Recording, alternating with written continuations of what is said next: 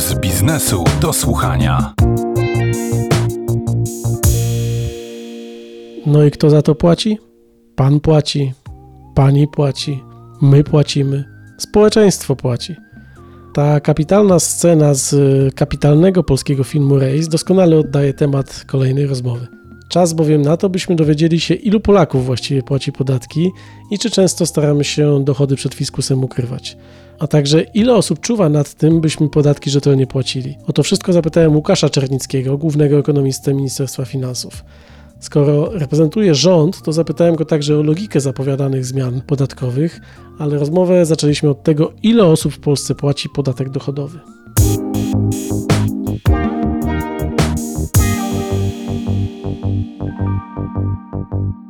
Polsce mamy nieco ponad 26 milionów podatników, którzy rozliczają się e, z podatku PIT.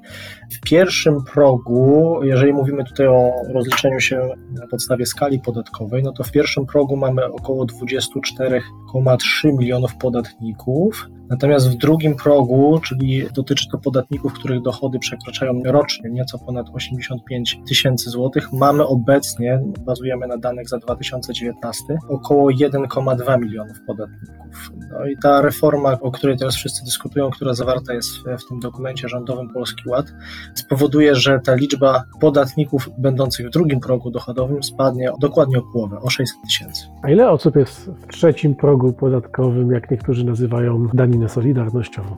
Jeśli chodzi o daninę solidarnościową, to liczba osób płacących tą daninę to jest nieco powyżej 34 tysiące osób, czyli to jest bardzo niewielki udział w całej sumie podatników. Przejdźmy do teraz drugiej strony, bo mamy 26 milionów osób płacących podatek PIT. A ile kosztuje nas to, że jest cały aparat skarbowy obsługujący ściąganie podatków? No do tej informacji, ile to kosztuje, to bezpośrednio nie dotarłem. Mogę tylko podzielić się tym, że KAS w 2020 roku zatrudniał przeciętnie około 58 tysięcy osób. Natomiast nie, nie jestem w stanie podać dokładnej liczby, jakie są koszty całej administracji e, skarbowej w Polsce. 58 tysięcy osób pracuje po to, żeby między innymi, rozumiem, ścigać tych, którzy na podatkach próbują kombinować. To jest jakiś problem w Polsce, oszustwa podatkowe?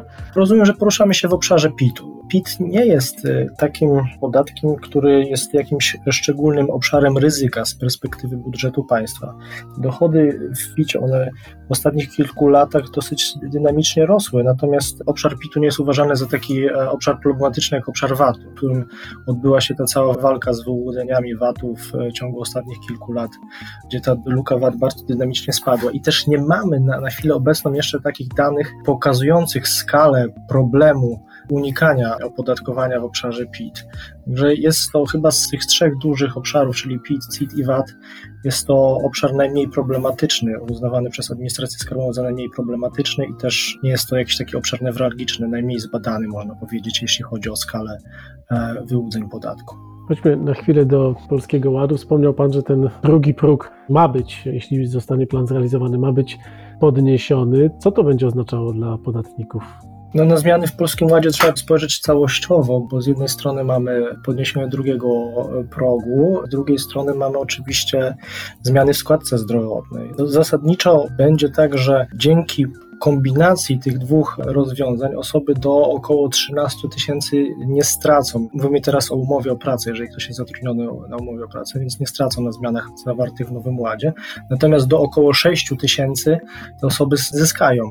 Tutaj będą największymi beneficjentami tych zmian osoby zarabiające pomiędzy 3 a 6 tysięcy złotych. To w przypadku na przykład 3-4 tysięcy złotych taki zysk dla podatnika miesięcznie to jest około 100-150 złotych nawet czasami do 200 zł, co myślę, że w perspektywie roku przełoży się no, prawie, e, można powiedzieć, na dodatkową pensję. Liczycie w ministerstwie, że to skłoni do jakiejś aktywności zawodowej te osoby takie, które do tej pory właśnie, no pytanie, czy te osoby pracują, które zarabiają tak mało, tylko pracują do tej pory w szarej bądź e, czarnej strefie, czy może nie pracują w ogóle? Jaką macie diagnozę?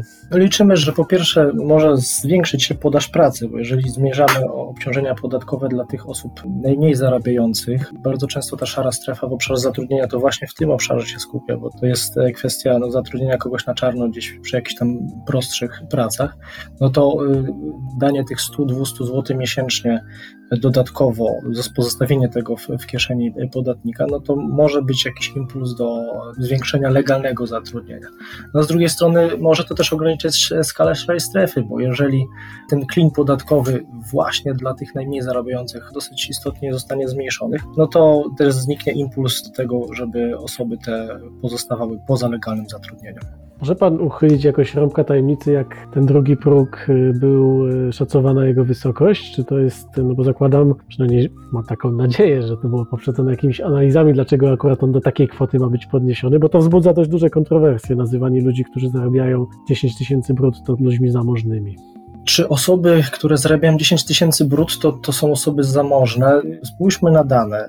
Niecałe 850 tysięcy podatników uzyskało w 2019 roku dochody przekraczające 120 tysięcy złotych rocznie, czyli no tej całej puli podatników to będzie jedna 25 tak naprawdę. Więc no to jest jednak tak, że to są osoby, w przypadku tutaj mówimy o umowie o pracę, zarabiające znacznie powyżej średniej. Natomiast podniesienie tego progu do 120 20 tysięcy miało skutkować tym, żeby w połączeniu z tymi zmianami w składce zdrowotnej, żeby właśnie osoby gdzieś w tych rejonach nie ucierpiały na zmianach podatkowych zawartych w Nowym Ładzie, żeby te zmiany były dla nich neutralne i temu też ma służyć ta ulga dla klasy średniej, bo niestety nasz system podatkowo-składkowy jest dosyć skomplikowany i żeby po tych zmianach, które z, z jednej strony miały zwiększyć znacząco finansowanie służby zdrowia, a z drugiej strony miały obniżyć klin, żeby właśnie osoby zarabiające w przedziale od 6 e, do około 13 tysięcy złotych na umowie o pracę nie straciły, no to trzeba było niestety zastosować trochę taką protezę w tym systemie. Może nie jest to rozwiązanie jakieś eleganckie, ale, no ale bardzo sprawiedliwe i, no i skuteczne. O ostateczności właśnie powiedzmy taką wyższą klasę średnią, jeżeli tak można nazwać osoby zarabiające o pracę powiedzmy 10-13 tysięcy złotych miesięcznie, to chcieliśmy uchronić właśnie przed stratami na zmianach podatkowych. Będzie jakaś, no właśnie, szukam słowa, tarcza, pomoc, ulga dla jednoosobowych działalności gospodarczych, bo te osoby tracą najbardziej, mogą stracić potencjalnie na tej reformie. Są prowadzone prace w tej kwestii. Nie mogę jeszcze mówić o, o szczegółach, natomiast z jednej strony rzeczywiście jest tak, że intencją tej reformy jest zmniejszenie tej różnicy pomiędzy opodatkowaniem i oskładkowaniem umowy o pracę i jednoosobowych działalności gospodarczych, więc jakby zachowanie tego stanu obecnego nie jest w intencji naszej, natomiast no, są prowadzone pewne prace i zastanawiamy się, jak trochę zmniejszyć te obciążenia w nowym systemie dla osób zarabiających tam w okolicach 6 do 10 tysięcy miesięcznie osób będących na działalności gospodarczej. Rozmawiam z głównym ekonomistą, to nie mogę na koniec nie zapytać o prognozę dla naszej gospodarki. Czy najgorsze już za nami? Jaki to będzie drugie półrocze, bo w zasadzie pierwsze się kończy? Ja zawsze mówię, że my jesteśmy trochę bardziej konserwatywni niż rynek, co wynika z tego, że no, nasze prognozy służą w procesie budżetowym. No, musimy tutaj mieć jakiś większy bufor bezpieczeństwa, natomiast no, zakładamy już na drugą połowę roku silniejsze odbicie, tak jak wszyscy. Nie wiem, czy jesteśmy aż takimi optymistami jak koledzy tam z banków, którzy zakładają, że już od najbliższego kwartału, najbliższych dwóch kwartałów może być ten wzrost powyżej 5% i on może trwać nawet 8 kwartałów.